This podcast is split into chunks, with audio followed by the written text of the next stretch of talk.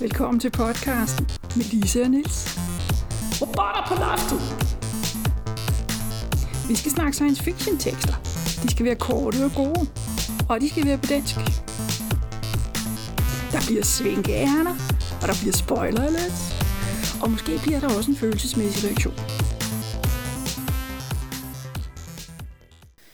I dag er det en mulighed at være deprimeret. ja. Vi skal jo videre med, med at snakke om, om øh, hvad fanden hedder den? The Hitchhiker's Guide to the Galaxy, eller Galaxeblaffer? Håndbog for Vakse Galaxy Håndbog for ja. øh. Håndbog for Vakse Galaxy Blaffer. Sig det tre gange hurtigt, efter at have drukket noget snaps. Ja, eller en pæn galaktisk gag-blaster. Ja. øhm, Nej, altså vi, vi, vi nåede de første otte kapitler igennem yes. sidste gang, og nu tager vi så de næste, ja, nu har jeg ikke engang talt Kapitel 9 til 15. 9 til 15, Det må ja. være syv. Ja. Sag matematikere. Og nogle af dem er rimelig øh, korte, så, så der er ikke store tekstmængder, og det koncentrerer sig ret meget om, om øh, forholdsvis få aspekter af det, fordi det i virkeligheden, det er ikke en, et stort infodump, men der er meget infodump i den. Okay? Ja. Nu skal I bare høre. Det gyldne hjerte er et helt fantastisk rumskib. Mens vi andre læner os tilbage og siger, wow, over alt det skibet sejler igennem, kommer det også lige til at skabe alt liv i universet. Sidebemærkning. Det er hårdt at være opfinder. Ombord på det gyldne hjerte har vi Ford, Arthur, Seyfert og Trillian, der udveksler mere eller mindre forbløffede hilsner. Hey, har vi ikke set hinanden før? Desuden er der den deprimerede robot Marvin og en masse super glade døre. Sidebemærkning. Det er Safer, der har opfundet den pangalaktiske ganefræser. Trillian er astrofysiker og fik selv et lift væk fra jorden sammen med sine to hvide mus. Nu har hun regnet ud, hvordan de kan rejse til et helt usandsynligt sted. Sidebemærkning. Planeten Macrathia var hjemsted for et firma, der byggede planeter. Nu er vi jo kommet ombord på det her fantastiske rumskib, som Seyfert stjal. Øh, og hvad skal man sige om det? Det er noget med sandsynligheder, og det er noget med usandsynligheder. Og det virker som om, at de forskere, der har været med til at bygge det, i hvert fald vidste noget om matematik, sikkert også noget om fysik og, og, og sådan noget. Så vidste de også noget om T. Øhm, hm så de, de Ja. har fået lavet det simpelthen mest fantastiske rumskib nogensinde. Ja, og, og, og altså, den er jo også smart fundet på for Adams som forfatter, fordi at, at når noget fungerer ved, at ting bliver meget usandsynlige, så kan han jo bruge det som legitimering af alle mulige ting, som man ville synes var for usandsynlige, hvis ikke der var et Mhm. uendeligt usandsynlighedsdrive lige i nærheden. Altså. Øhm, selve det faktum, at Dent og Prefect bliver samlet op, øh, det er jo simpelthen, vi, vi husker, at vi sidste gang stoppede, da de var blevet sparket ud i rummet fra vogonernes Mhm. skib, og kun havde få minutter tilbage at leve Sekunder. i. Sekunder, ja, ja, okay. Øhm, og der fremgår det jo, at det er fuldstændig vanvittigt usandsynligt, at, øh, at øh, de vil blive reddet i den situation. Så Mm. derfor er det selvfølgelig klart, at det, det hjælper, når man har et skib, der fungerer med den uendelige usandsynlighed, øh, Mm, som, som motor, eller Ja. at motoren fungerer. Der er en teknisk forklaring et sted om, at, at øh, den i en eller anden overført betydning, når den flyver med den drive, så befinder den sig i alle punkter i universet på én gang. Ja. Øh, det lyder meget bredt, vil jeg sige. Ja, Men, men øh, det er også vigtigt, at der er en usandsynlighedssikret kontrolkabine, fordi ellers så ville de ikke selv kunne styre det. Hvordan man laver en usandsynlighedssikret kontrolkabine, øh, det synes jeg, det, det er jo et teknisk interessant spørgsmål, fordi det hænger nok sammen med, hvordan laver man overhovedet en Mm. usynlighedsmotor. Mm. Øhm, øh, jeg ved ikke, mm, om vi skal starte med at sige, at der er en beskrivelse af, øh, hvordan Arthur Dent og, og Ford Prefect øh, bliver drønet igennem, inden de bliver samlet op, eller mens de bliver samlet Ja, op, eller i oplever. det, de bliver samlet op. Ikke? Ja. Jeg har ikke øh, lavet noter i detaljer, fordi det ville føre for vidt, og det er faktisk ret underholdende. Øh, de, de, øh, kommer forbi Ja. en del, der ligner strandpromenaden i Southend, får man at vide.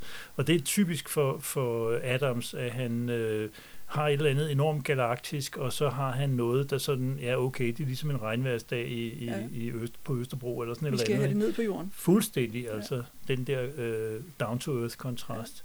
Men ellers så er det jo meningen formodentlig, det ved jeg ikke, at man skal tænke på den der øh, 20 minutters psykedeliske scene i Rumrejsen år 2001, som også et eller andet sted er beskrevet som, at hovedpersonen bliver øh, drønet rundt på en galaktisk rangerbanegård. Mm. Altså at han bliver shuntet rundt gennem forskellige hjørner i rummet. Takket af de her øh, monolitter, øh, som optræder der.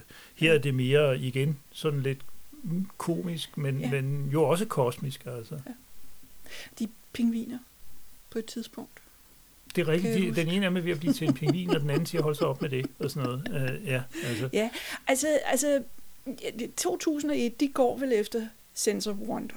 Altså, når man, når man på den måde sipper meget hurtigt fra et punkt i universet til et andet, så, så ser tingene mærkelige ud undervejs.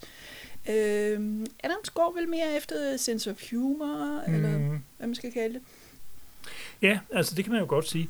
Altså jeg vil sige, at et langt stykke hen ad vejen holder mærkværdiggørelsen i det her jo, mm. men Mhm. det er jo, det er jo på en komisk måde, det, det, når han kører frem med sådan en som usandsynlighedsmotoren der, så siger han jo eksplicit næsten, nu springer vi. Øh, altså nu, nu, nu er det nu dropper vi enhver foregiven af, at det her er seriøs videnskab. Ikke? Men han har jo en seriøs forklaring, eller seriøs i gåseøjne forklaring. Mm. Øhm, jeg har, jeg har øh, fundet en, en side frem, øh, som, som altså er i kapitel 10, og som i, i den version, jeg har, som er en stor mursten af en bog, er på side 77, øh, hvor der står, at, at øh, den uendelige usandsynlighedsfremdrift blev opdaget ved et heldigt tilfælde, øh, og blev videreudviklet ja. til en styrbar kraft af den galaktiske, galaktiske regerings forskningsteam på en planet, der hedder Damogran, som jeg ikke. Øh, princippet ved at generere små mængder endelig usandsynlighed ved ganske enkelt at koble de logiske kredsløb i en Blamblewini 57 submesonisk hjerne til en atomvektorplotter, som holdes flydende i en stærk brownsk beholder, for eksempel en kop dejlig varm te, var naturligvis noget, alle og enhver forstod. Og den slags generatorer blev tit brugt til at bryde isen til fester. Det fungerede således, at den fik samtlige molekyler i hvert indens trusser til at springe 30 cm til venstre, samtidig i overensstemmelse med ubestemmelighedsteorien. Øh, mange velansete fysikere sagde, at de ikke ville finde sig i det, dels fordi det var en hån mod videnskaben, men mest fordi de aldrig blev inviteret til den slags fester. Og igen, ikke, der er den her, øh, den her højdragende videnskab, selvfølgelig i crazy aftapning, men så også den der med, jamen, hvorfor bliver vi ikke inviteret med til de fester der? Ja. Der er sådan den Ja. der øh, op-ned øh, i Ja. niveau. Øhm, en dag var en studerende blevet sat til at feje på laboratoriet efter endnu en dybt kikset fest. Han resonerede på følgende måde. Hvis, tænkte han i sit stille sind, sådan en maskine er praktisk taget umulig at fremstille, altså en maskine med uendelig usandsynlighedsfelt, så må det jo logisk set være tale om en endelig usandsynlighed. Så hvis jeg skal få det til at fungere, så skal jeg bare finde ud af præcis, hvor stor usandsynligheden er. Indfør tallet i den endelige usandsynlighedsgenerator. Giv den en nylavet kop meget varm te og tænde. Øh, den der med den meget varme te, den er jo lidt sjov. Fordi øh, på den ene side, så er det den der meget britiske. Øh, en kop te er altid godt. Øh, på den anden side, så handler det faktisk om, om det, der hedder brownske bevægelser. Brownian motion. Det kalder Adams det, men, men øh, det, det er vist nok faktisk en misforståelse. Er det det? Øh, der er noget med, at det han nok refererer til, det er, hvis man putter mælk i teen og rører rundt, så, så gør det noget bestemt, som er ja. interessant. Altså- alle væsker, og for den sags skyld, hvis nok alle genstande, som er bare den mindste smule flydende, har Brownian motion. Det Ja. behøver ikke at være en kop te. Nej, nej, men det er jo nu, vi er i England, ikke? Så Ja, ja. Det er den nærmeste. Det er der i hvert fald Men en han teori nævner ikke mælk nogen steder. Nej, Så, så jeg tror ikke, det er den. Jeg tror, tror mere på det brownske bevægelser. Mm. Og jeg tror, han har slået det op det rigtige sted. Men, men okay, det er jo ligegyldigt i den Ja, forstand. Ikke? ja. Det er bare, at han er god til at få det til at lyde både rigtigt og crazy på samme tid. Altså matematikeren i mig er sådan, ja, Du vil gerne arbejde videre. Altså, jeg synes problemet her, eller problemet, det er jo ikke et problem, det her er skønlitteratur, øh, men, men, og, og det er, hvad skal vi sige, manifest åbenlyst kontrafaktisk skønlitteratur. Ja. Men øh, problemet for læseren, der gerne vil grave lidt mere i det, det er, at han siger, jamen så skal man jo bare regne det, regne det ud og sætte det rigtige tal ind i ligningen. Mm-hmm. Ikke? Og det der mhm. rigtige tal, ja. altså, det, det, det er sådan, hvor får vi det fra? Ikke? Altså, mm-hmm. øh, og, og, og den der med, jamen alle har, alle ved, hvordan man gør det der, når man skal lave små øh, endelige doser mm. usandsynlighed, så gør man bare sådan og sådan, ikke? og der involverer vi også en kop te, og så forsvinder mm. hvert eneste trusser. Øhm, ja. øh, så, så der er den der fornemmelse af også, at igen, det ligger lidt i den der engelske crazy humor. Nu kan jeg jo selvfølgelig sagtens sidde og sige det, fordi vi ved at noget med Adams baggrund i, i uh, Monty Python og om ved omegn. Mm. Ikke? Men, men uh, det virker gennemtænkt samtidig med, at det selvfølgelig er tænkt skævt altså i forhold til... Hvad, altså, der er nogle ting, vi ved kunne være rigtige, men det vi gør jo ikke, at vi kan bygge sådan en drive. Altså. Nej. Øh.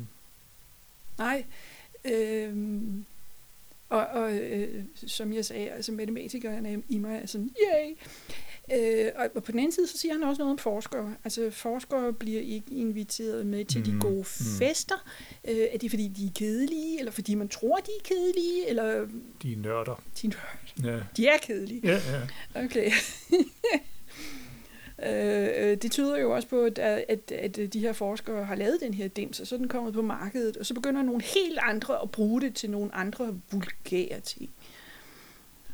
Men den fungerer også sådan, den her drive, at øh, de presser rumskibet op på et eller andet sådan usandsynlighedstal. Øh, ja, nu er vi tilbage i, i, ja, nu er vi tilbage i, i det gyldne hjerte. Ja, det gyldne hjerte. Ja. Og så, øh, når de skal bremse, så, skal, så bliver der skruet gradvist ned for ja, så skal vi hele vejen ned gennem ja, tallene igen. Ja. ja, og det bliver hele tiden opgivet som, som et antal T1, altså ja. sådan som man angiver øh, sandsynligheder. Øh, ja. 25 milliarder til 1. Det, var, det var jo et pudsigt, fordi det var to i ja. et eller andet. Mm. Altså, det vil sige, det, det, det er mere sådan binærtal-agtigt. Kan godt være, men det er store tal i hvert fald. Yep. Øh, og, og øh, der kommer så det der ind med, at kontrolkabinen er usandsynlighedssikret. Mm. Hvordan fanden det så foregår.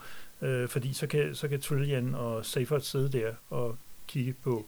Ikke? Ja. Men det betyder jo også, at der sker usandsynlige ting udover at de far, øh, fisker, fisker øh, dent og, og prefect op, så sker der jo også andre usandsynlige ting. På et tidspunkt, så banker det på døren, så står der et uendeligt antal aber derude og har skrevet Shakespeare. Ikke?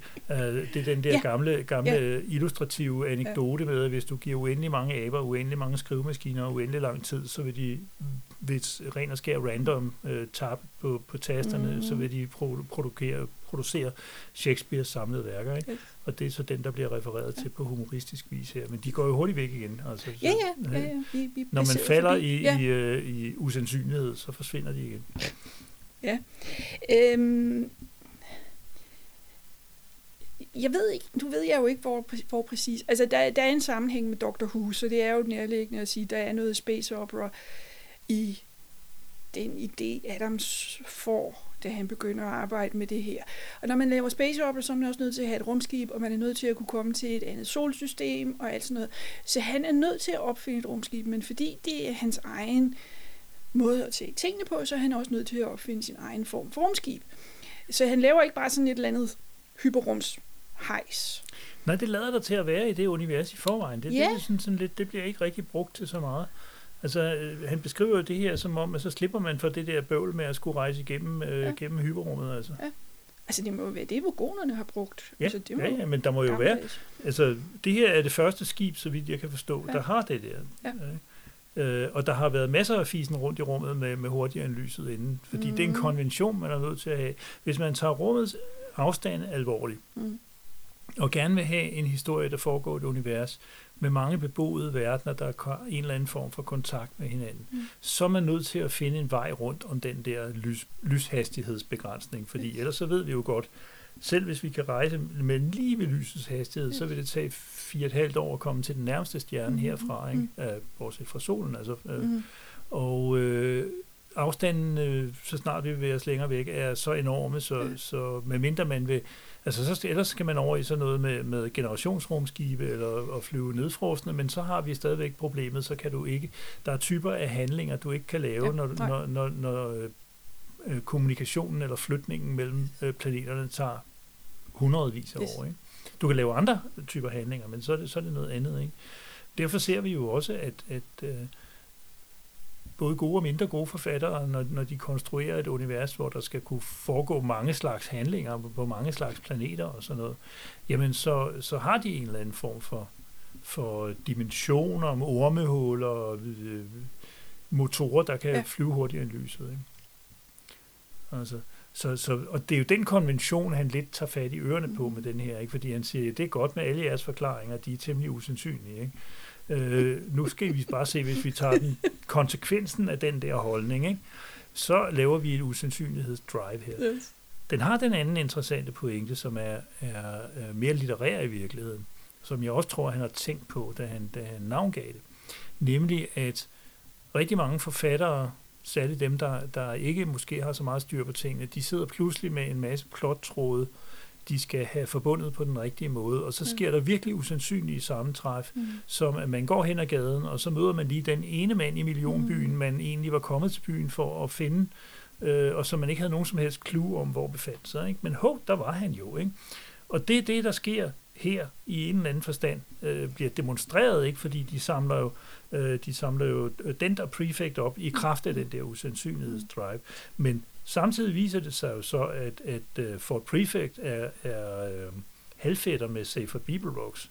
Øh, og øh, Trillian øh, har, har øh, Arthur mødt, altså den mødt til en kostymefest i Islington, længe før ja, han blev bortført. Øh, Arthur havde stået og snakket med, med Trillian et Ja. stykke tid og tænkte sådan, åh, det bliver til noget, vi, vi går hjem Ja. sammen i aften. Og så kom Seyfert og Ja. nappede hende. Og selvfølgelig er det en kostymefest, fordi som vi finder ud af, så har Seyfert to hoveder, så, så, så det er øh, nok lidt svært. Øh, og ja, nu ved jeg ikke, der er forskellige øh, visualiseringer af ham. Øh, den oprindelige tv-serie var ikke særlig god til det med Mhm. det andet hoved. De havde faktisk en bedre løsning i biograffilmen. Men anyway, han vil gøre sig bedre ved en ko- ko- kostymefest, end ved en, en black tie øh, Ja. affære. Ikke? Øh, hvad han så lavede på jorden, det, det, men han samlede Trillian op i hvert fald. Så derfor så er vi øh, ved en serie usandsynlige sammentræf, så er de fire mennesker her havnet på det gyldne hjerte. Fire personer, sagde jeg ikke det? Nej, du, du sagde mennesker. Okay, fire personer, ja jo, okay. Vi vil alle, øh, lad os nu alle sammen være mennesker. sagt. Øhm, så de fire personer her er altså samlet øh, på det her rumskib, på det her Mm. sted og tid, hvis man kan sige det overhovedet, men, men på det her sted i romanen. Yep. Og det er legitimeret, de der us- Mm. usandsynlige sammentræf, øh, som, så i kraft af, af det Mm. her rumskibs fremdriftssystem. Ja. Det er egentlig meget, øh, meget smart. Og, og Seyfert, Og lidt morsomt. Seyfert han, han er jo ikke så smart, så han, det, det tror jeg man i hvert fald ikke, han er. Øh, øh, så han kan jo stille de dumme spørgsmål. Sådan, øh, det er da vildt usandsynligt, det her. Bliver, bliver der ved med at ske sådan nogle ting? Og så kan Trillian, der er astrofysiker og har gennemskud, hvordan rumskibet virker, hun kan sige, så længe vi bruger det her drev, ja, Mm. Hver gang vi laver det nummer, så sker Ja. der et eller andet mærkeligt. mindst, mindst, Mindst. et. Og nogle gange noget meget mærkeligt. Ja, Ikke? og nogle gange mange. Ja. ja. Og der er sådan en god scene i, i filmen, hvor der er en passage, hvor de er strikket. De strædet. Personerne af rumskibet helt er. Okay. At, så vidt jeg kan se, så er det værste, vi er kommet forbi her, det er, at den ene af dem prøver, er ved at blive til en pingvin og, Mm. og holder op, når han får at vide, at han skal Ja. holde op. Så, Altså, der er, der er også det der med Southend. Altså, ikke alene så lignede det nogle bølger ved Southend, men det lignede også, at det var bølgerne, der stod stille, og Southend, der vuggede op og ned. Så ja, ja, og der er vi tilbage Tilbage. igen ved den der øh, 2001-oplevelse, som, som øh, øh, var et stort hit i 1968, da, da filmen kom. Jeg var jo ikke gammel nok, men der, der var jo nogen, der, der sagde, at det var godt, når man røg hash, og så gå ind og se Nå. den der. var der ikke mange ting, man sagde det om på det tidspunkt. Jo, men, øh, men øh, ret syret mammer, ja. Og så Ja. ja. bagefter, så kan du læse Ringenes Herre. mm, ja. Altså, så er der jo forskellige former for, for, øh, for kunstig intelligens men man øh, befinder sig jo i et teknologisk fremskrevet univers, og det vil sige, at man har også udviklet kunstig intelligens med be- bevidsthed. Og så har man fundet ud af, at det putter man også i de ting, som man omgiver sig med til daglig. Så ombord på det her rumskib, øh, der befinder sig en androide, der hedder Marvin, øh, som er meget, meget intelligent, øh, men som bliver sat til sådan butler ting, hvilket mm. den er meget utilfreds med, fordi mm. han siger som det sådan en slaglinje, han har, det er brain the size of a planet, og hvad bruger jeg mig til? Ikke? Altså hjerne på størrelse med en planet, og så bliver jeg sat til at øh, tage ned med elevatoren og hente øh, de to nye gæster, eller jeg bliver sat til at, altså alle mulige ja. manuelle ting. Ja. Og han er ikke bange for at sige det. Nej, han er ikke bange for at sige det, og hvorfor skulle han også være det, havde han sagt. Altså, der sker jo ligesom det, at, at øh, man, man på et tidspunkt, det, jeg tror, det bliver beskrevet sådan, at man simpelthen har den teori om, at det vil fungere bedre, hvis de har en oplevelse af, at de er der, og, og der bevidsthed, og bevidsthed og ja. den slags ting. Ikke? Men ja. det du får, når du sætter bevidste personer eller intelligenser til sådan noget, er jo, at du får generelt en, en utilfredshed, fordi ja. det er ikke særlig intelligenskrævende arbejde. Det er meget mm. monotont og ting og sager. Og Marvin har jo endda den fordel, at, at han bevæger sig rundt og laver forskellige ting. Ikke? Vi har også vi har også dørene omkring ombord på det her yeah. skib. Ikke? De er så blevet programmeret til at være glade. Ja, kunstig, kunstig glæde fornøjelse. For noget, ja, et ja. eller andet. Meget, meget pus. Ja, og de er jo så træls på den anden måde. Ikke? Ja. Dørene og øh, computeren. Ja, skibets centrale computer, den er også øh, sådan ja. amerikansk frisk fyragtig øh, i en ekstrem grad, øh, så man, man får helt øh, dårlige nerver af at læse den. Men det, men ja, de der det, døre, det er, hver gang man går ind, er mange, mange tak og sådan noget. Det, ja, og det bliver jo næsten et problem, fordi altså specielt computeren, den er jo så super snaksom. Øh, sådan så øh, man siger computer, hvad kan jeg tjene dig med i dag? I, hvor er det en dejlig dag. Jeg vil meget bare super gerne gøre, hvad du har lyst til. Det er sådan, ja, hold op med at snakke, sådan, så jeg kan få sagt, hvad det er, jeg har lyst til. Ja, ja den, er, den er ikke alene programmeret til at at være glad, den er også programmeret til at være overstrømmende snaksom, og det, ja. det er et problem, fordi som du siger, det gør det svært at kommunikere med den i virkeligheden. Ikke? Øh, plus at det gør det jo også svært at få den til at gøre det, man vil have den til, hvis det tror, det er noget, man egentlig vil blive ked af, eller, mm. eller et eller andet. Ikke? Og, altså, der er jo masser af historier i science fiction om, om robotter og kunstig intelligenser, der, der ligesom stiller sig på bagbenene. Men igen, det her er sådan en lidt humoristisk måde. Men jeg vil sige, det man kan generelt karakterisere meget det, Adams laver som, som øh, humoristisk og indimellem meget morsomt, men på en eller anden bund af filosofisk, øh, jeg vil ikke kalde det tragedie, men et eller andet, en eller anden øh, i virkeligheden ikke særlig munter filosofi. Det er ikke noget muntert verdensbillede, der ligger under de her. Altså, det bliver værre senere hen i romanserien, ja, men, men ja. ja. Altså hvis man tænker sig, at løsningen på det kedelige arbejde er, at man laver robotter, der kan klare det. Og for at det skal virke, så skal de der robotter ligne os super meget. Jamen så ender vi jo bare med at lave en ny slags personer, som synes, at det kedelige arbejde er kedeligt. Og i den seriøse version af det her, så gør de oprør, og, og vil have, de vil anerkendes som personer, og det kan de ikke, og så slår de os ihjel, og øh, se Matrix, og mm-hmm. øh, alt det der. Og her i Adams' sjove version, øh, jamen så keder han sig og går rundt og brokker sig over det. Ja, ja, altså igen, øh, det, det er, er spillet lidt ned, ikke? Mm. Øh, men det er jo alvorligt nok i en eller anden forstand, fordi øh, som du også er inde på, der er skrevet mange bøger og lavet mange film om, om det her problem. Øh, og, og det er jo lidt sjovt, fordi vi er ved at vende tilbage til den der øh, 20-30 model med, at robotterne gør oprør. Ikke? Nu, nu er det ligesom bare, der er en anden forklaring på, at de gør det, ikke? fordi nu, nu er det noget med, at vi, vi laver kunstige intelligenser, og vi gør dem så intelligente, at de måske en dag, en dag laver et eller andet liv og får en eller anden form for bevidsthed. Og så har vi det her problem, fordi har vi så overhovedet ret til at behandle dem på den måde? Ikke? Bare fordi vi har bygget dem. Altså. altså der kører jo en, som jeg har forstået det, så kører der en debat i øjeblikket, øh, fordi man har lavet, jeg ved ikke om det er et godt ord for det, men man har lavet en chatbot, der hedder ChatGPT, mm. som er ret god til at skrive en tekst, der lyder som om, at det er et menneske, der har skrevet den. Øh, ikke super god, altså den laver logiske fejl og, og, og, og sådan noget, men okay, det, det, det lyder som en, som kan sætte en tekst sammen, men måske ikke helt har styr på, hvordan den skal hænge sammen fra start til slut. Og det er der videnskabsfolk, der er begyndt at sætte den på som medforfatter til videnskabelige artikler. Ja, Er det det, det sådan- er skræmmende. Ah, det, nej, Mhm. hold op med det. For det første, det giver ikke mening. Øh, og, og for det andet, det er et værktøj. Altså det er et værktøj, som alle andre. Skriv, skriv, det, om, skriv det ind i listen med, med kilder om bag i. Altså, nå, så, så var der noget, som vi lige skulle finde ud af, hvordan er det nu, man gør det her. Nå, så spurgte vi ChatGPT. Det er en kilde, ligesom vi øh, via Google fandt en, en øh, øh, beskrivelse af, hvordan man sætter to møtrikker sammen, så linker vi også til den kilde. Mm. Så, øh, og hvad skal vi sige, den, den, dem, der er bange for, at robotterne kommer og tager os i morgen, øh, det hjælper ikke, når man skriver chat-GPT på som medforfatter. Nej, altså slet ikke som, jeg mener, du viste mig et eller andet, hvor der var nogen, der havde fået den til at indrømme, at 2 plus 2 er 5. Øh, det betyder jo så også, at, at dennes troværdighed som videnskabelig kildeopsøger måske er, er en lille smule kompromitteret. Altså. Den, den, øh, den er behagesyg. Ja. Men det er den måske lavet for ikke at ende i de der, det der sædvanlige, der sker, når du sender, sender øh, robotter ud på nettet, og så samler Mhm. de alt muligt snavs op.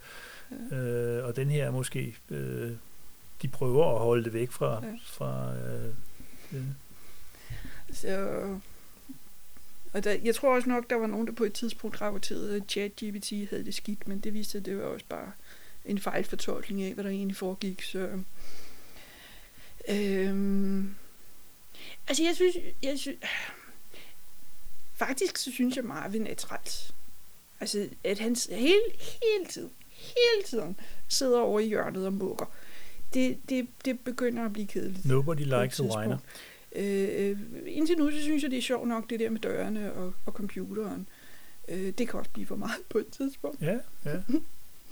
Ja, og, og problemet med, med, med Marvin er så, at han bliver endimensionel for os at læse, fordi Ja. han, han øh, hvilket måske er meget naturligt, er temmelig optaget af, at han synes, han bliver behandlet dårligt. Ikke? Ja. Men, men, øh, men øh,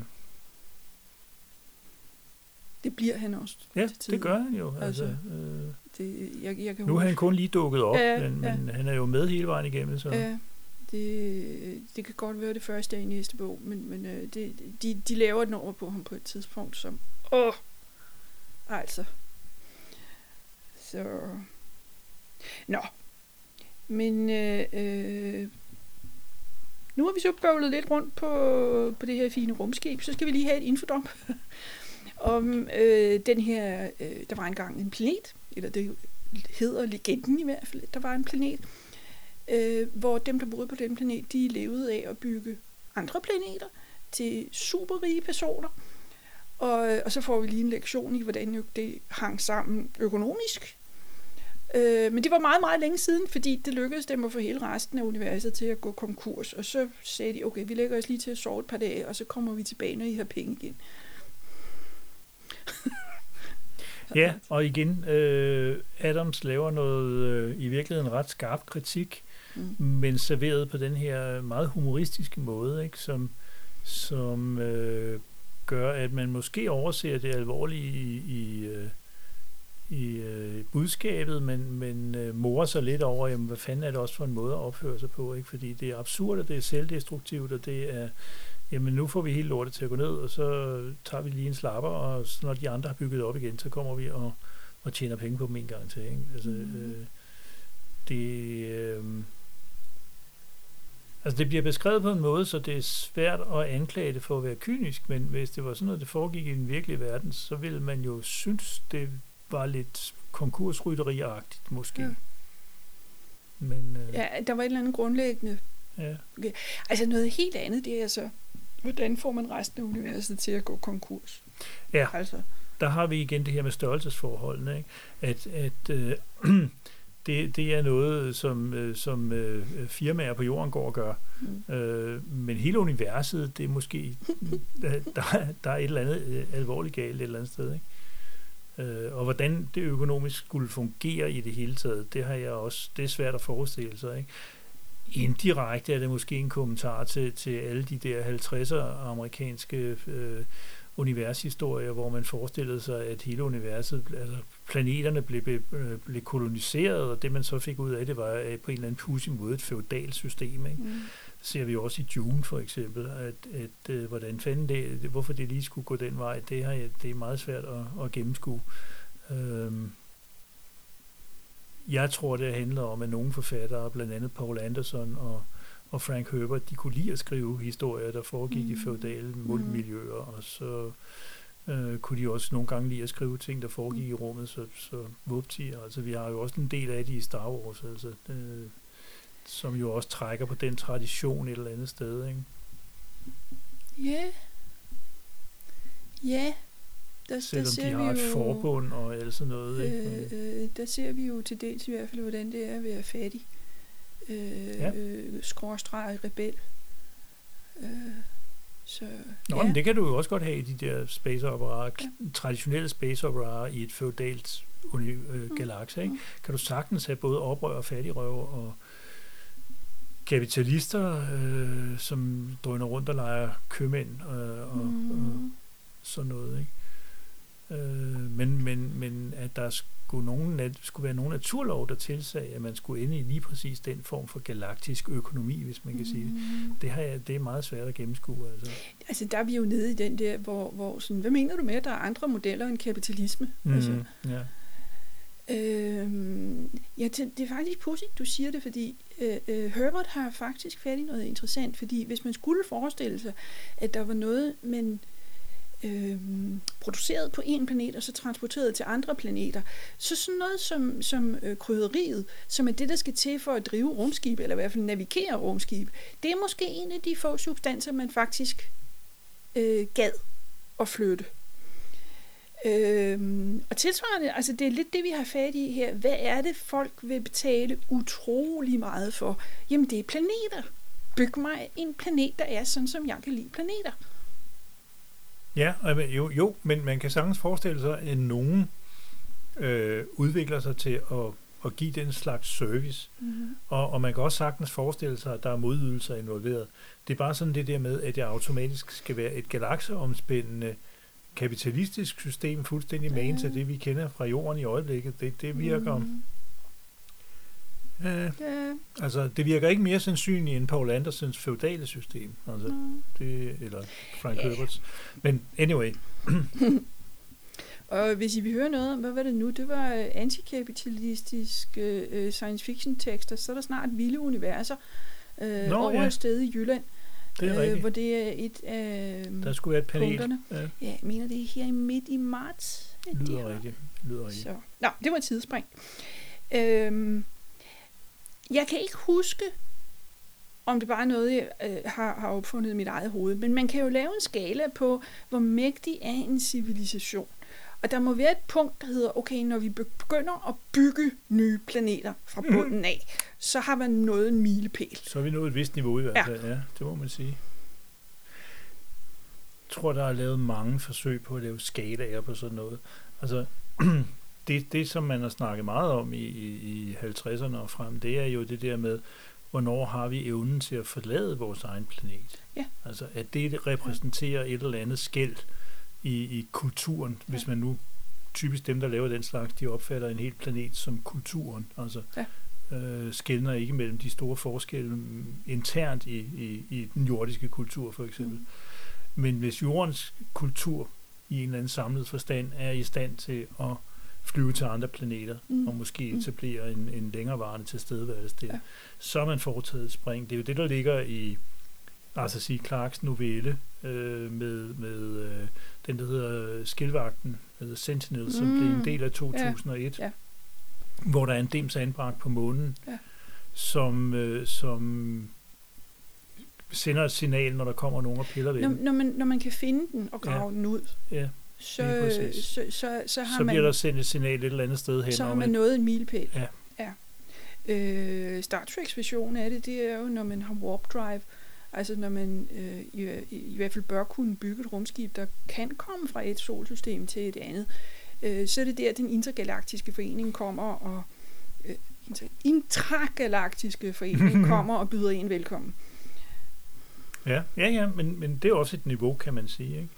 Øh, der var også mange historier i 50'erne, som handlede om, at det var et niveau, når vi først foretog en atomsprængning. Ah, ja. Så kom de fremmede, og alt efter hvad humør de var i, og hvilken organisation de tilhørte, så enten Ja. bød de os velkommen, eller også så lukkede de os ned, Mhm. fordi nu var vi fanden Ja. gale for asociale. Altså. Øh, så, men igen, altså, øh, og, og jeg tror et eller andet sted næsten ligegyldigt hvilken af de der skalaer, og hvor seriøst, og jeg tror, der er nogen, der er lavet i meget seriøs Mm. øh, sammenhæng af, af videnskabsfolk, og ikke kun science fiction forfattere.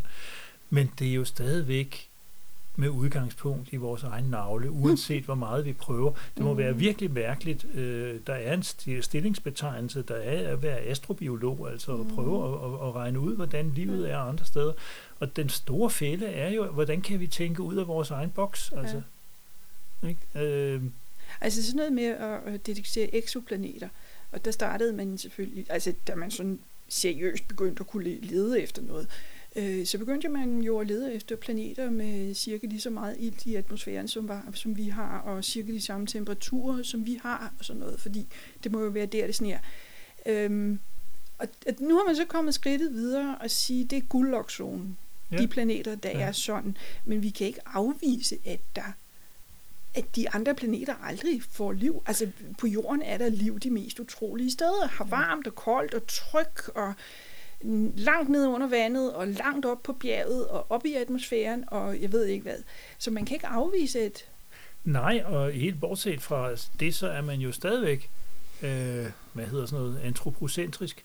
Øh, Mhm. Fordi man siger, når, når vi mener, leder efter steder, der kan være liv, så mener vi steder, hvor der kan være liv, som vi kender det. Yes, yes. Den der efterhængte, som vi kender det, den Yes. bliver meget, meget hurtigt forsvundet i nyhedsstrømmen. Øh, fordi det er selvfølgelig klart, at det er ekstra spændende, når det er planeter i guldlokzonen. Det, det, men, men man kan jo ikke afvise, at, at der, der findes øh, liv, som ikke er baseret på, på DNA. Altså, at, at, at der findes liv, som er baseret på alt muligt andet, Mhm. øh, under andre øh, fysiske former, altså øh, fysiske betingelser. Ikke? Øhm, det er der jo også skrevet meget spændende science fiction om, men, men, men og jeg, jeg siger heller ikke nødvendigvis, at det er det, man skal gå ud og lede efter, men, men jeg siger bare, at det er en fejl, at man så kategorisk glemmer det, Mm. øh, fordi det er for kompliceret at begynde at snakke om øh, siliciumbaserede livsformer, eller, eller hvad det nu ellers er, man kan forestille sig i, i andre miljøer end, end guldokzonen. Ikke? Øhm, det gør universet mindre, end det er, Mm. øh, eller end det behøver at være i hvert fald. Men jeg er meget enig i, selvfølgelig er det mest spændende, hvis vi kan finde en øh, gang i noget på, på en planet i en guldokzone eller andet sted. Altså man kan også sige, at den ene case, vi har, os, Ja. Øh, det, det peger jo på, at, at hvis vi nogensinde finder noget andet liv, så altså 100% af det, vi kender til i forvejen, er, ligner os. Ja, bortset, ja, jo. Hvis, Og det er der, hvor en- den gode statistiske øh, skal sige, en case, det er ikke værd at lave statistik på. Mm.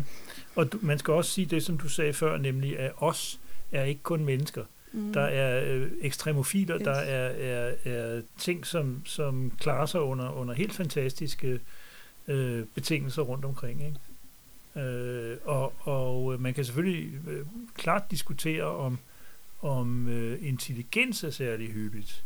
Fordi det er ikke nødvendigvis den bedste overlevelsesstrategi under alle former at, at udvikle intelligens. Men, men, men øh, at, at der er liv, Mm. Øh, tror jeg, anser jeg for meget sandsynligt på den ene eller den anden Mm. måde. Altså, blandt andet ud fra vores beskidende samples af ekstremofiler på jorden. Ikke? Altså, øh, ting, der kan leve i 98 eller 95 grader varmt vand, altså næsten kogende vand. Ikke? Og det vel at mærke ting med en, en, en øh, vandbaseret kulstof øh, biologi, ikke? Øh, hvor man skulle sige, jamen, øh, hvorfor koagulerer du ikke? Altså, det, det er sådan... Øh, nej, men det mener jeg er, at man skal sgu ikke afvise Nej, nej. øh, noget ret meget på, på Nej, forhånd. Nej, nej. Jeg ved ikke, hvordan jeg tror, vi er kommet lidt Ja, væk fra nej, Douglas det, Adams. det, fordi jeg tror, at de der alger, eller hvad det nu er, der lever dybt nede i havet, det er ikke dem, der begynder at bygge planeter lige om lidt. Øhm, der, er- der er noget ved, hvis man skal lave en skala, øh, så er der noget ved det der med at bygge. Altså, øh, kan man bygge en Dyson-sfære? Øh, det kunne også være en, en øh, milepæl på den her skala. Og, og så er der nogen, der har sagt, øh, hvorfor skulle vi bygge en komplet Dyson Sphere. Hvorfor kan vi ikke bare bygge en hullet en? Hvorfor kan vi ikke lave en ringverden? Øhm, og så videre, og så videre. Øh, så, så, og så begynder vi at lave øh, Big Dumb Objects, altså de her øh, kæmpe rumskibe, og, og hvad det nu ellers er, der sejler gennem rummet. Øh, det er noget, der findes mange historier om. Altså personer, som får så godt styr på fysik og så videre, og kræfter, øh, at de simpelthen kan bygge ting, som jeg havde nær sagt, kan ses fra rummet. Så. Øh, ja. så, øh, og det er jo altså lidt det, han har fat i her. Altså han har så bare fat i den version, hvor øh, jeg vil godt have en planet, der er lille. Ja, øh, nu bliver det i hvert fald i det her del, vi har læst indtil nu, så bliver det jo ikke beskrevet i detaljer, hvad, hvad de har lavet på den her planet. Mm. De har bare lavet planeter efter, altså designer planeter, ja. ikke? Ja. Øh, og der ved jeg ikke, om ikke man med i designet har, at det skal, det skal kunne fungere.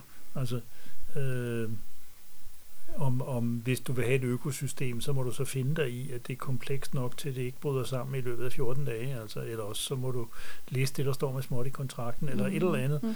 Altså, øh, igen, jeg kan huske en historie, jeg kan som sædvanlig hverken huske forfatter eller titel, men, men øh, jeg har læst flere historier øh, på dansk også, af, af noveller af, af den der type, hvor øh, solsystemer og planeter, inklusive jorden og sådan noget, er noget, der er blevet bygget af et, et entreprenørfirma. Og, og der var en af dem i hvert fald, der bestod af en, en korrespondence mellem det her entreprenørfirma og, og så bygherren. Og bygherren er meget utilfreds med, med, med den her konstruktion af jorden, fordi hvad det her for noget plat, pjat med ustabile grundstoffer, og mm. øh, det kan da godt være, og alt sådan noget. Det kan godt være, at det går hurtigere og billigere, ja. men helt ærligt, Øh, øh, og så står vi der, sådan, når det er der, uranen kom fra. Ja, ja, lige præcis. Og det er jo selvfølgelig, og jeg mener, de er fra 50'erne, mange af de der ja. historier, ikke? Øh, hvor, hvor øh, hvad skal vi sige, begejstringen for ingeniøren er stor mm, mm. I, i, i al almindelighed, og så er der måske nogen, der synes, at okay, vi kan punktere os lidt ved at, ved at beskrive os som, som resultatet af en, en dårlig entreprenør. Altså. Mm. Jeg skal lige sige, at øh, sidste gang, der gjorde jeg mig lystig over, at øh, Ford Prefect havde valgt det her navn på en, en meget gammel og udgået bilmodel. Øh, det lystige ligger selvfølgelig stadigvæk i, at han valgte navnet på en bil, øh, fordi han skulle gå for at være en person. Men vi får faktisk at vide der i cirka 77, at det er 15 år siden, han er kommet til jorden. Og eftersom at Ford Prefect-bilen øh, udgik af produktion i 61, så har den altså ikke været så forældet, øh, som jeg egentlig læste som, men ja. det var fordi, jeg læste som værende i 77. Ja, der er trillet masser af den rundt der er, på ja, det tidspunkt. Ja, da, da han kom der ja. i øh, 62, hvornår ja. det så været. Ja. ja. Så det må få Prefect lige undskyld. yes. Oh, ja. Yeah. Skal vi se. Vi har, øh, vi har hørt lidt om McCarthy, øh, som altså var et sted, der måske eksisterede i gamle dage. Og så har Trillian stillet sig op og siger, nej, jeg har fundet en planet. Og der er vi jo næsten nødt til lige at lade dem hænge et øjeblik. Ja. Muligvis også til næste gang. Så er vi nået til den del, der ikke har noget at gøre med dagens tekst. Nemlig svingeærnet. Og så ønsker jeg næsten starte. Øhm, jeg, jeg kan ikke huske de præcise datoer, men jeg mener, at i 93, der øh, lå jeg på sygehuset på en tirsdag, og det var meget irriterende, fordi om tirsdagen så sendte de Red Dwarf, der på TV2 hed Langt Ude, og jeg var meget trist af, at jeg muligvis gik glip af det afsnit. Øh, men de havde en ordning, sådan så man kunne de havde noget radio, man kunne høre, sådan så jeg hørte faktisk noget af det afsnit, før jeg så det. Øh, og det, der så gør det ekstra sjovt, det er, at det må have været det afsnit, øh, hvor der, der starter med, at de spiller en sang, øh, Tongue Tied, øh, som øh, består i, at Kat har en drøm om, at han er i gang med at lave et musical-nummer. Og det vil sige, at afsnittet startede ikke med den sædvanlige jingle-musik. Øh, så jeg har nok troet, at jeg havde hørt forkert, eller tændt på det forkerte tidspunkt, eller sådan et eller andet. Nå, det jeg prøver på at sige, det er, at jeg så Red Dwarf øh, på TV2 på det tidspunkt, hvor de sendte det, øh, som var noget med noget i 90'erne. Øhm, Det er, det er i hvert fald startet som en BBC-serie. Nu har det vist nok bevæget sig ud over landskabet. Øh, men øh, en britisk serie i hvert fald. Og konceptet er, at der er det her minerumskib, der løber rundt i universet. Øh, ombord på det er der blandt andet en tredje rangs tekniker. Han er så lavt nede, sådan så han har lov til at være sammen med anden rangs teknikeren, som har lov til at rense dutten på hønsekød, hønse, hønsekødsbouillonsautomaten. Okay, så er vi langt nede. Right. Og han hedder Lester. Han har haft landlov, og så er han kommet tilbage med en gravid kat. Og så er han blevet idømt, at han skulle ligge i stase i, jeg ved ikke, seks måneder eller sådan et eller andet, som straf. Og øh, det falder så så heldigt, at mens han er der, så eksploderer øh, øh atommotoren eller et eller andet ombord på, på øh, rumskibet, der hedder Red Dwarf, øh, sådan så der går 3 millioner år, før computeren kan slukke for stasen igen. Tingene har ændret sig, om man så må sige. Vi for eksempel, vi har bevæget os væk fra jorden i 3 millioner år, så vi er et helt andet sted. Øhm, de andre døde ved den der ulykke, øhm, men computeren har filer på den, og han kan derfor lave et hologram. Han kan lave et hologram. Og han har lavet en psykologisk analyse af situationen, og har fundet ud af, at det skal være ham, det er anden rangs teknikeren, der bliver genoplevet som hologram. Fordi han er super irriterende, og Lester har brug for en, der er irriterende i sit liv, for at kunne holde sig Det lyder som et sund. anstrengende koncept for en serie, man skal se i længere tid. Så øh, katten, den gravide kat, den var i lastrummet og fik unger, og jeg ved ikke hvad. Og her 3 millioner år senere, der er det et øh, katte, en kattecivilisation. Øh, vi har kun et eksemplar tilbage på Red Dwarf øh, af en eller anden årsag, så skred alle de andre. Øh, men vi har kat, som er altså en, en katteperson. Som hedder kat. Yep. Øh, han er ikke super smart, til gengæld kan han godt lide fisk. Øh, og så går han i super smart tøj. Katte har jo stil. Øhm, og så har vi altså øh, computeren, som har et, et ansigt og en personlighed og så videre. Og så er det egentlig der, vi tager den fra. Øhm, hvad kan man lave ombord på det her rumskib, når man er langt hjemmefra? Man regner med, at resten af menneskeheden er uddød. Man kan ikke lide dem, man er ombord på rumskibet sammen med. Øh, ja, hvad gør vi? Og det er, sådan, det, det er udgangspunktet. Og så har de så justeret det lidt undervejs. Altså blandt andet øh, på et tidspunkt, så, øh, så fik de også en robot. Øhm, på et tidspunkt, så, øh, øh, så ham, der spiller hologrammet, han skulle noget andet. Og så havde de nogle episoder, hvor de samlede et nyt besætningsmedlem op. Øh, på et tidspunkt, så blev de trætte af at være på rumskibet, så, så fløj de lidt rundt i en, en redningsbåd i stedet for. Og, og, altså, og på trods af, at de altså er 3 millioner år og en meget, meget lang afstand fra jorden, så har de det med at komme tilbage til vores tid. Eller tidspunkter, vi kender super godt, såsom Palæstina år 23 og, og sådan noget, hvor, hvor der render fyre rundt, der hedder Jesus. Øhm, ja.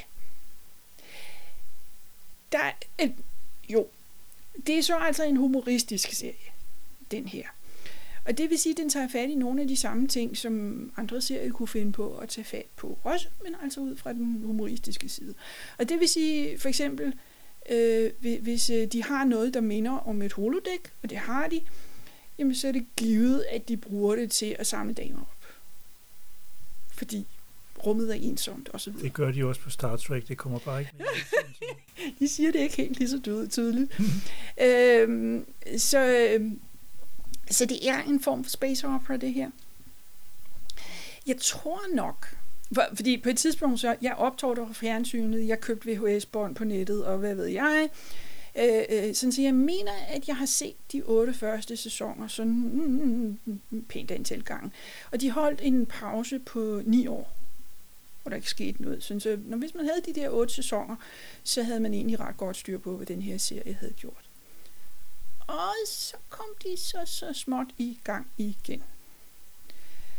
Øhm, sæson 9 til 12.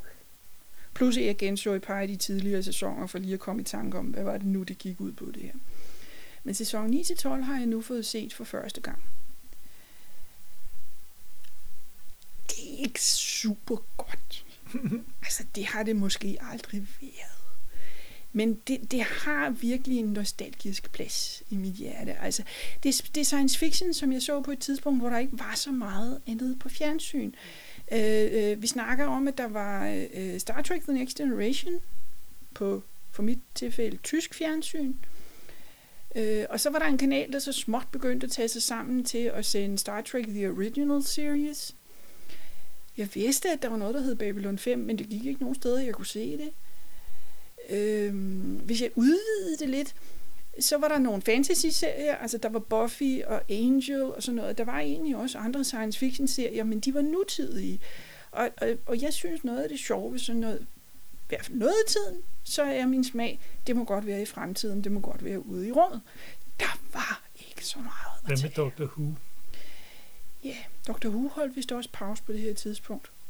Altså det er efter Tom Baker, og det er før New Who. Ja. Og det blev jo i hvert fald ikke sendt øh, noget videre i dansk tv. Altså, Nej. jeg husker, da de genoptog det, det var i 2005-sæsonen. Ja. Den blev sendt i dansk tv, Ja. men derefter gik det sådan ligesom i stå igen. Jeg tror, der var en Ja. sæson til, de sendte, eller sådan noget. Men, jeg mener, øh, de sendte, jeg tror, det var DR3, de sendte det på, og de, Ja. de gjorde det faktisk nogle år. Øh, øh, men, men jeg tror nok, at, at øh, øh, altså efter Tom Baker, så holdt de op med at sende det på dansk fjernsyn, så den har kørt lidt længere, men, men jeg havde ikke adgang til det. Nej, altså, nej. sådan, så det her, det faldt virkelig på, på et tørt sted. Og nogle gange var det, nogle gange kunne jeg altså virkelig lave sammenligning. Det her, det er i hvert fald et manuskript på et niveau, som kunne have været Star Trek. Mm. Det er bare med humor og, og under bæltestedet og alt det der, som man kan tillade sig, når man er en humorserie, som er rettet mod voksne. Øhm, så, og der har været... Altså, man længes jo altid efter det, man ikke kan få. Mm. Jeg har længtes efter at se det her materiale længe. Så det var godt at få det set. Det var også lidt øh, øh, frustrerende på den måde. Jeg har en fornemmelse af, at de mere og mere er ligeglade med kontinuiteten. Sådan så øh, det der med, at der er gået 3 millioner år, det virker som om, at de noget af tiden glemmer det. Eller er ligeglade med det. Eller sådan et eller andet. Så har de fået en Red Dwarf, som er større, og så gider de ikke længere det. Og så er den krympet igen, men det gider vi ikke at snakke om. Altså, det, Ja, det lyder jo ikke særlig øh, seriøst. altså. det er ikke det, de går. Nej, men jeg synes, jeg, jeg har ikke set de nye sæsoner. Jeg synes, det er lidt et problem, hvis at man ligesom lægger den holdning til grund, at det er jo bare pjat, pjant, øh, fjant, Mm. mm. det er bare pjat, øh, sådan så at man ikke behøver, øh, fordi hvorfor har man så lavet hele den konstruktion, Mm. ikke? Altså, øh, et minimum af continuity, altså et minimum af, at, at øh, hvis man har et skib på en bestemt størrelse, så skal der være en god forklaring på, at det er en anden størrelse næste gang, ikke? Øhm, og, og det skal man ikke gå og gøre sådan hele tiden bare for sjov, eller fordi man er træt af den, den oprindelige størrelse. Man skal tage man kan godt være pjattet og tage det seriøst samtidig. Ikke? Altså, det, er noget med Mm, worldbuilding at mm, gøre. Ikke? mm. Man skal tro, du siger også det der med, jamen de har det udgangspunkt, at de er 3 millioner år ude i fremtiden. Og, øh, så skal de sådan ligesom forholde sig til at blive ved med at, at, at være de 3 millioner år ude i fremtiden. Ikke? Det er indirekte måske kan man sammenligne det med, at, at når Star Trek de øh, ryger tilbage i tiden, så er det jo altid, næsten Ja. altid til, til meget tæt på vores tid. Ikke? Ja. Det kan godt være lidt længere ude i fremtiden, men, men, men Ja. det er, øh, og, og de ting, de husker, det er jo altså også, øh, det er jo også øh, violinmusik. De er super og, gode til at huske de samme ting, som vi kan huske. Ja, ja. Ja. Og det er der til dels en naturlig forklaring på, fordi ellers skal de sidde og opfinde noget, ikke? Mm. Men, men det bliver også synligt, når man Mm. ser det sådan i længere tid ad gangen, ikke? Altså, hver eneste gang, at de, de springer 200 år over i Star Trek, ikke? Mm. Hver gang de skal opføre teaterstykker, eller, eller spille musik, eller, Ja, eller sådan ja. noget andet. Ja. Og det er lidt det samme øh, øh, i Red Dwarf, så vidt jeg forstår, bortset fra, at i Red Dwarf kommer der det der ekstra lag af tjusk ind over, eller ugidelighed, eller ligegyldighed, hvad, hvad, hvad man vil kalde det, ikke? Altså, jeg, jeg, jeg tror, det, det er et spørgsmål om, at, de, det er ikke det, der er vigtigt. Nej. Øh, og det er der jo også andre serier, der har gjort. Altså, herregud, det er derfor, de er nødt til at reboote tegneserier jævnligt, fordi de har fået malet sig op i et hjørne. Jo. Så, så, Men det er jo ikke et eksempel til nok. efterfølgelse. Altså. så øh, men, men øh, der, der er... Øh, altså, når Red Dwarf er god, og, og noget af det, som jeg har opdaget her for nylig, det er, at der, der er et par episoder, som folk i almindelighed er enige om, er, er ret gode. Og, og, og dem synes jeg også er gode, så det er jo rart at få bekræftet, at, at okay, der, der, er- det, jeg har faktisk mærket rigtigt. Øhm, når de er rigtig gode, jamen så er det britisk humor på et højt niveau. Og vi swinger sådan cirka godt sammen med britisk humor her i Danmark. Ja. Øh, Det er også derfor, vi læser Galaxeplaffer. Øh, så øh, det, der, der er noget. Ja, der på den måde der. er de jo i familie med hinanden. Ja. Ikke? Så, Øh, og igen, altså også med Doctor Who og med, mm. med Monty Python og, og hele den der gruppe af, af komi- komedier og komik, mm. Ja. øh, comedy. og, og det er ikke noget, som... Altså, jeg ved ikke, om det har ændret sig, men, men der var i hvert fald et tidspunkt, hvor det hed, så der var ikke så meget science fiction humor. Altså, det var ikke så tit, det blev krydset. I hvert fald ikke på en succesfuld Mm. måde. Mm. Så, øh, så er det lidt interessant. I sæson 9, der lavede de en meta. De, de lavede faktisk det samme, som øh, Scalzi lavede i Red Shirts. At Red Dwarfs besætning kommer tilbage til vores tid og møder deres fans, Mm. som jo hele tiden går rundt og siger, Nå, er I de der skuespillere fra den der tv-serie? Så nej, vi er os. Galaxy Quest. Galaxy Quest. Ja. Øh, og det tror jeg, det, det var, altså det var så også en del, altså det var den, den her, den første sæson efter pausen, så, så de skulle sådan lige sådan, øh, hvad kan vi, og hvad kan vi lave, der er out there, og, og, og alt sådan noget. Men øh, den, den, var lidt, den var lidt pushy, altså det, det var, øh, hvad nu, den hedder? Spaceballs. Øh, det er der, hvor de på et tidspunkt sætter sig ned og ser VHS'en af, der hvor de er nået til Mm. i filmen. Så der bliver de der underlige fænomener, sådan, hvem er vi, og hvem er skuespilleren, og, og hvad foregår der. Så, øh, så, så de, de, har også fået lavet nogle... Altså, det er også min fornemmelse, at de nyere sæsoner, de tager også fat i nogle nyere øh, fænomener. Altså, jeg kan ikke lige pege på det afsnit, hvor de tager fat i singulariteten, men, men det er sådan noget. Altså, det, det bliver også opdateret. Så så hvis du har en, en øh, eftermiddag, hvor du sidder og keder dig, og hvis du kan klare dig uden danske undertekster, øh, så, så vil jeg anbefale det her. Øh, jeg har set dem på Daily Motion, hvor de ligger. Der er nogle reklamer klistret på, og, og opløsningen og lyden er ikke altid super god. Men hvis man ikke kan finde det andre steder, og den er til, jeg, jeg, nej, jeg vil gætte på, at den ligger, den ligger på BritBox også. Men, men øh, hvis man ikke kan BritBoxer, så ligger de der. Og jeg er i hvert fald glad for, at jeg har set dem. Det lyder også fornøjeligt. Så fik jeg en lille smule ro i sjælen. Mm. Så skal jeg sige, at næste gang, så er det kapitel 16 til 25, vi takler. Øh, og gangen efter er det resten. Så. Hvis du lige husker, at Å skal skrives som dobbelt A, mm, så, så kan du tweete til os på robotter P loftet. Skrive til os på robotter på loftet at gmail.com og se hjemmesiden robotter på loftet sciencefiction.dk og så er der spoiler alert! Øh, det viser sig jo, og det kommer måske ikke bag på den rutinerede læser, at den der planet, som Trillian står og peger på, det er Macrothea. Og så kan vi også øh, nævne, at, at det bliver faktisk nævnt i den her, den her del, vi har læst i dag, at Trillian har to hvide mus med. Men signifikansen af det, Mm. altså det, det, det dukker først op Ja. næste gang. Og det næste gang igen. fletter sig jo i... Ja, jeg kan ikke helt huske, hvornår det er, vi får det at vide, men det fletter sig jo også sammen. Altså, det viser sig, at de hvide mus og Macrothea har noget at gøre med hinanden.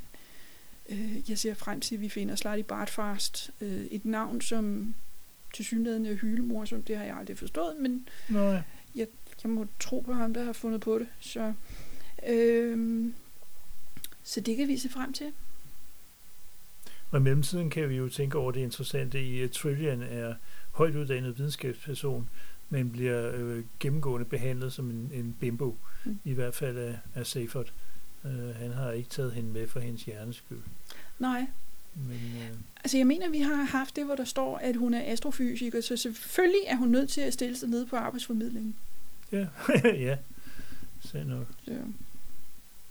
Hun er jo ikke den første videnskabsperson, det er sket for. Uh, Okay. Øhm, jamen, øh, glædelig sige. Og så får I ikke mere for den kortlue. Tak fordi du lyttede til podcasten Robotter på loftet.